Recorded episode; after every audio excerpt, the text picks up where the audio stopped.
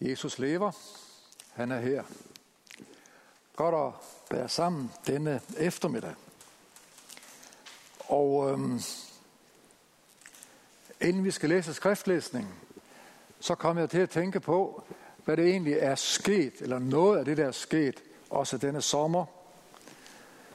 Er der nogen, der kan huske den 12. juni? Hvad skete der den 12. juni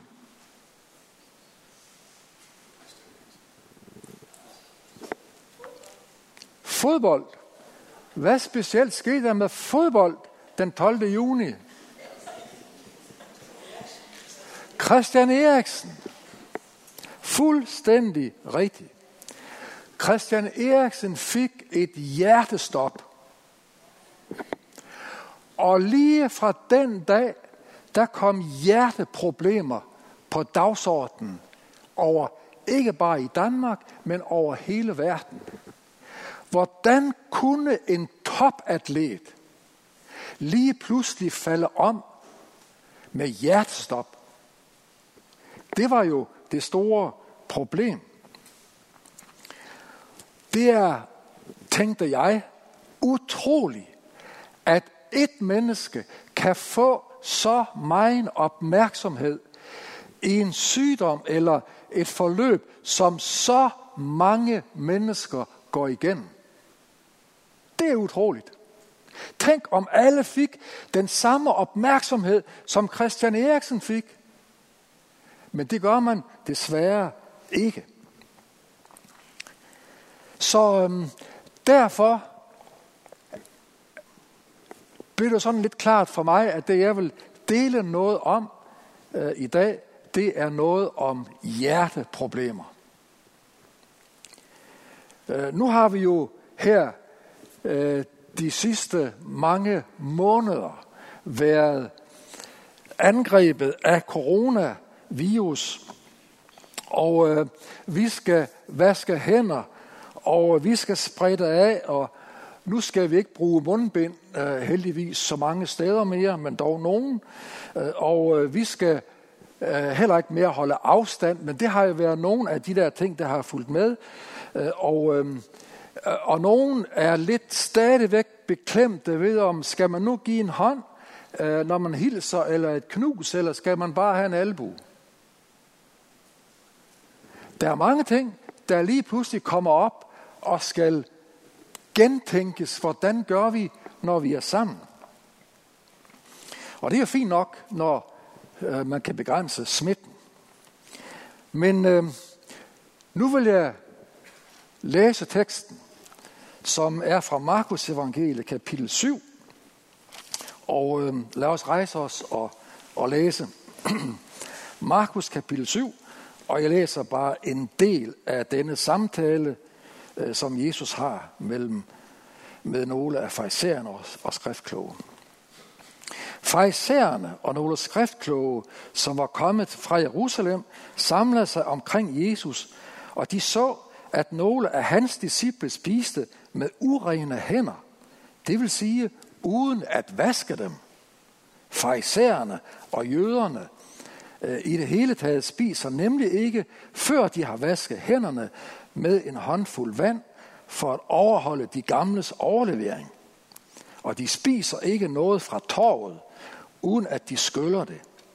Og der er meget andet, som de overholder ifølge overleveringen.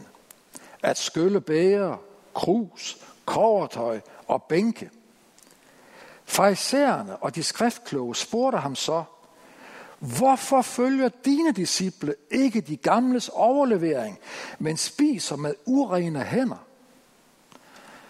Men Jesus sagde til dem, Esajas profeterede rigtigt om jer hyklere, sådan som der står skrevet. Dette folk ærer mig med læberne, men deres hjerte er langt borte fra mig. Forgave styrker de mig, for det, de lærer, er menneskebud. I har til side sat Guds bud og overholder kun menneskers overlevering.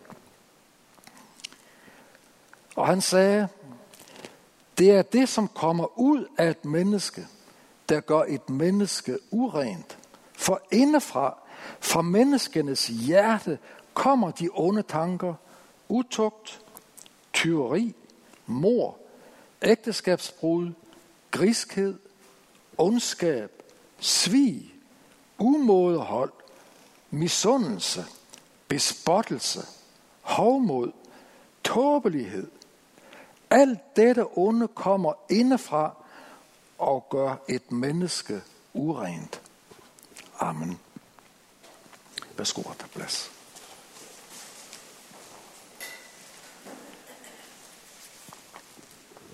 Det er en øh, meget relevant og meget spændende øh, samtale som, øh, eller diskussion, som Jesus har her med nogle af, nogle af, af farisæerne og, og nogle af de skriftkloge.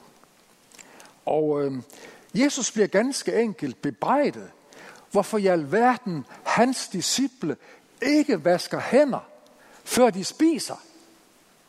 Det har vi da lært som børn. Og Jesus svarer ved at sige til farisæerne, der er noget, der er vigtigere end håndhygiejne. Og det er hjertehygiejne. Der er noget, der er vigtigere end håndhygiejne. Håndhygiejne er vigtigt, men der er noget, der er vigtigere, og det er hjertehygiejne. For det er fra hjertet, de onde tanker udgår. Og det er alvorligt, siger han. Og alt for mange har hjerteproblemer.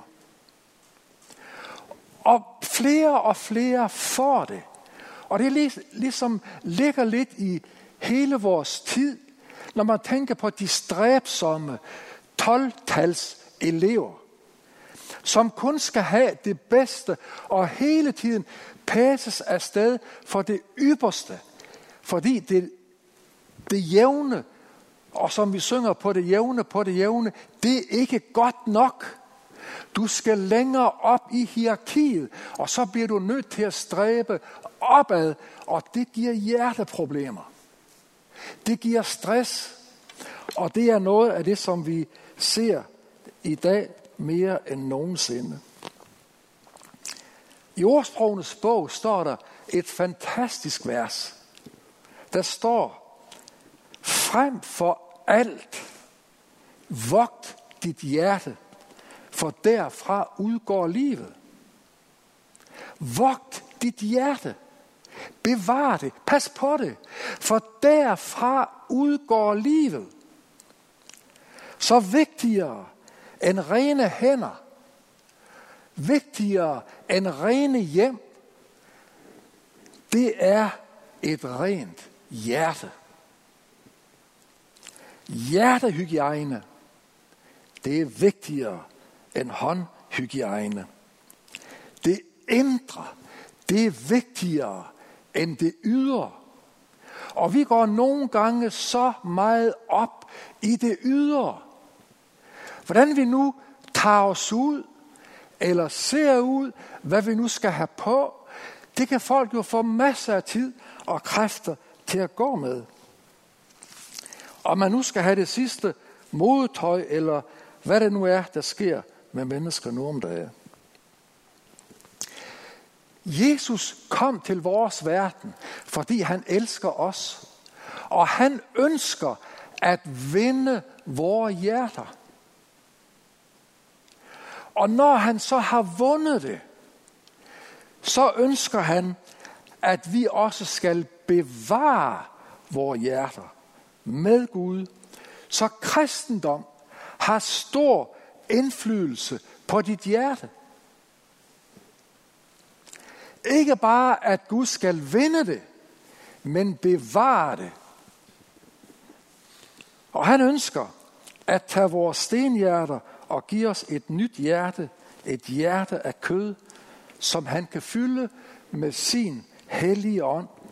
Fylde med sin fred, sin kærlighed, langmodighed, glæde, venlighed, godhed, trofasthed, mildhed, selvbeherskelse. Det er det, han ønsker at fylde ind i vores hjerter, så vi kan have et glad og et rent hjerte. I stedet for, at det er mor eller misundelse, eller bedrag, eller fornærmelse, eller utroskab, eller nedladenhed, eller bitterhed, eller hvad der ellers så let kommer ind og fylder vores hjerte og har indflydelse på vores dagligdag. Tænk at have et rent hjerte, i stedet for alle de ting, som fylder os med grus i maskineriet, så at sige. Tænk om, om vi hørte det, Jesus siger, I skal ikke bekymre jer. I skal ikke bekymre jer. Om I nu får 12, eller 9, eller 3, eller hvad I får. I skal ikke bekymre jer så meget om alle mulige ydre ting, men I skal tænke på at tjene mig, mens det endnu er dag, for pludselig kommer der en nat, hvor ingen mere kan arbejde. Og pludselig, så oplever vi en 12. juni lige rundt omkring eller i os selv.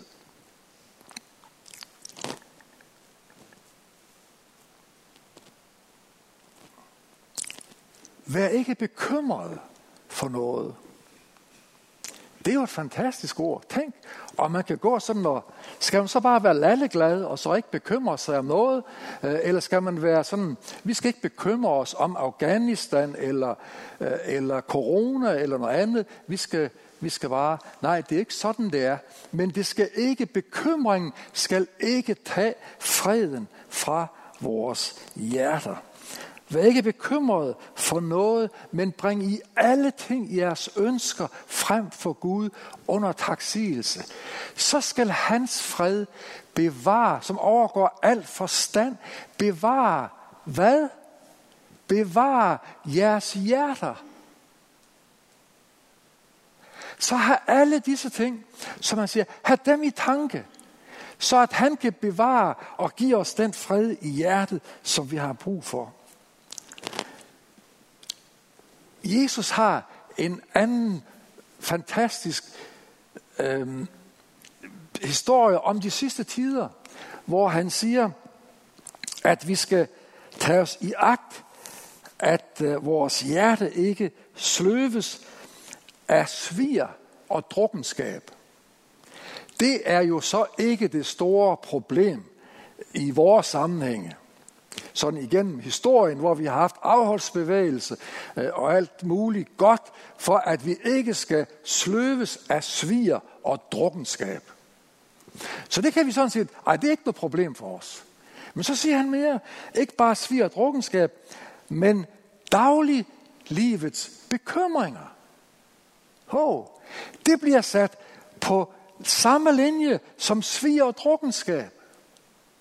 Men bekymringerne, dem er der mennesker, der er fabelagtige, professionelle og gode til at tage ind over deres liv. Som om alt afhang af dem.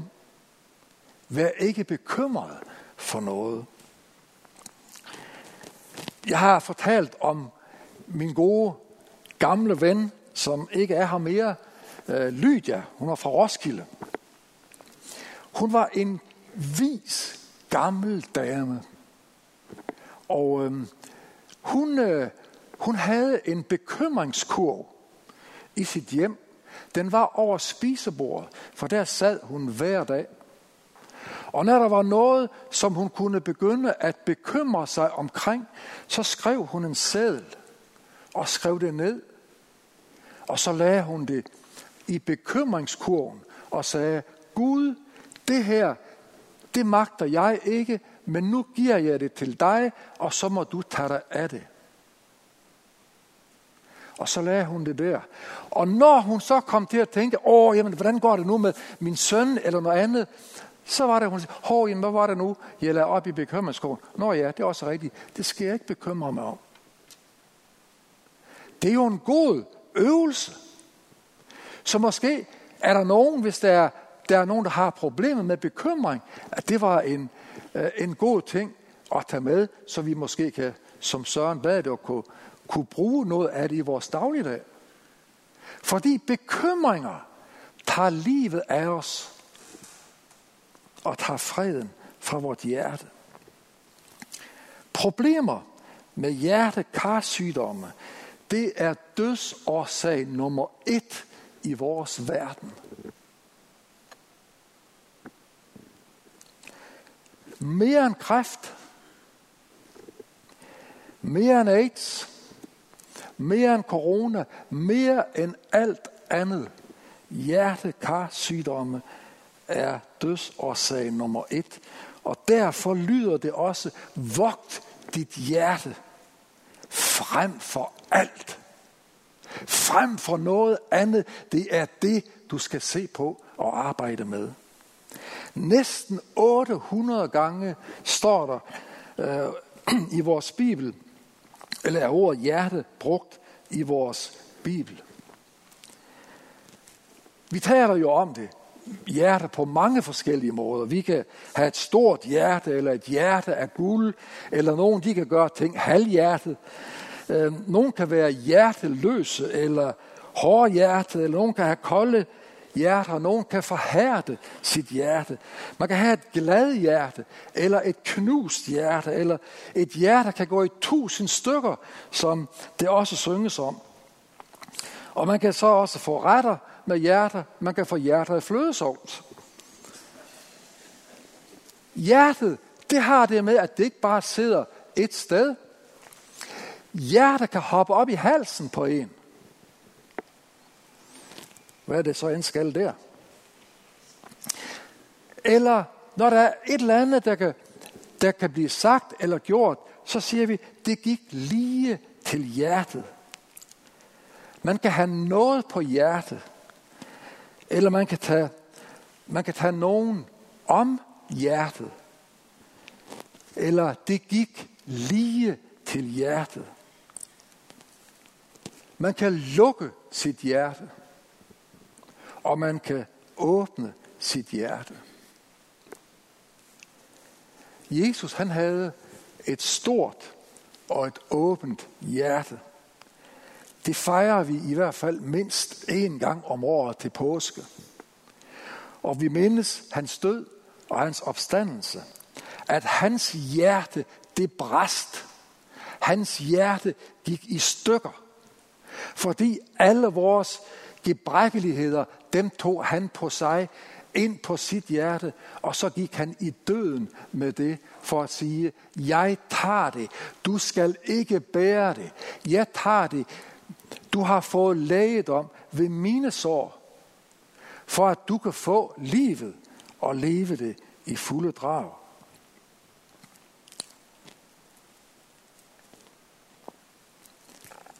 Vi synger også meget om hjertet. Min Jesus, lad mit hjerte få en sådan smag på dig, at nat og dag det være må, min sjæl umistelig.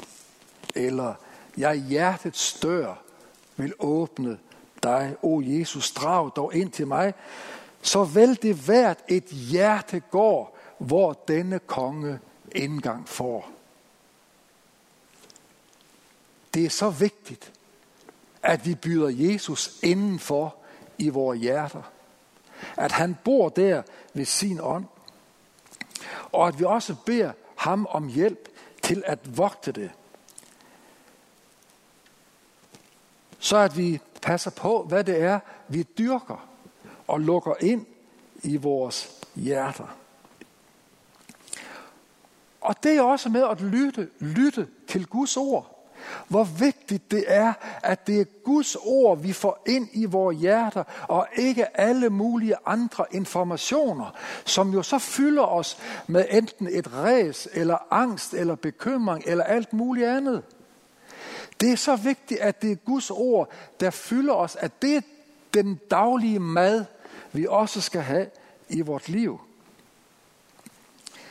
Og det er vigtigt at gøre som Jesu mor, Maria. Hun gemte alle disse ord, hun hørte. Dem gemte hun i sit hjerte, og hun grundede over dem. Det at have gode ting i sit hjertes forråd, og vi kan tage dem frem og dele det med alle dem, der har hjerteproblemer. Og sige, der er en medicin, der er vigtig at få. Og i ordsprogene øh, står der øh, yderligere, min søn eller min datter, lyt til mine ord. Vend dit øre mod det, jeg siger. Bevar det i dit hjerte, for det er livet for den, der har fundet det, lægedom for hele hans lægeme.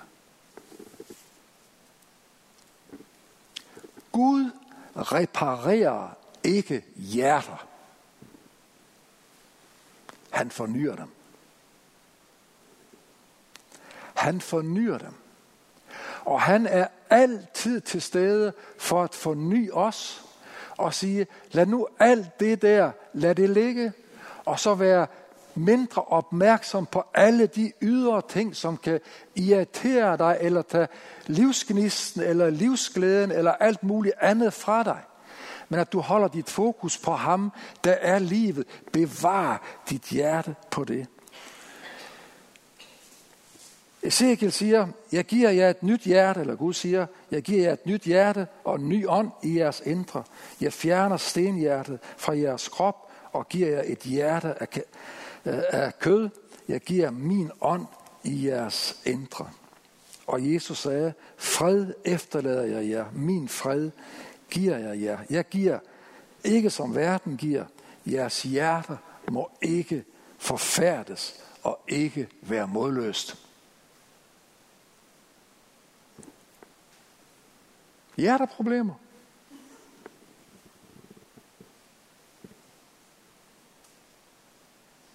Her er han, der har alt det, vi har brug for. Men spørgsmålet er jo, hvor meget han får lov til at fylde vores hjerte med sin medicin, med sit ord, med sin kærlighed og noget og tilgivelse og nye start. Eller vi sidder og tænker, ej, det er nok ikke noget for mig. Jeg var ikke så heldig som Christian Eriksen eller nogen af de andre.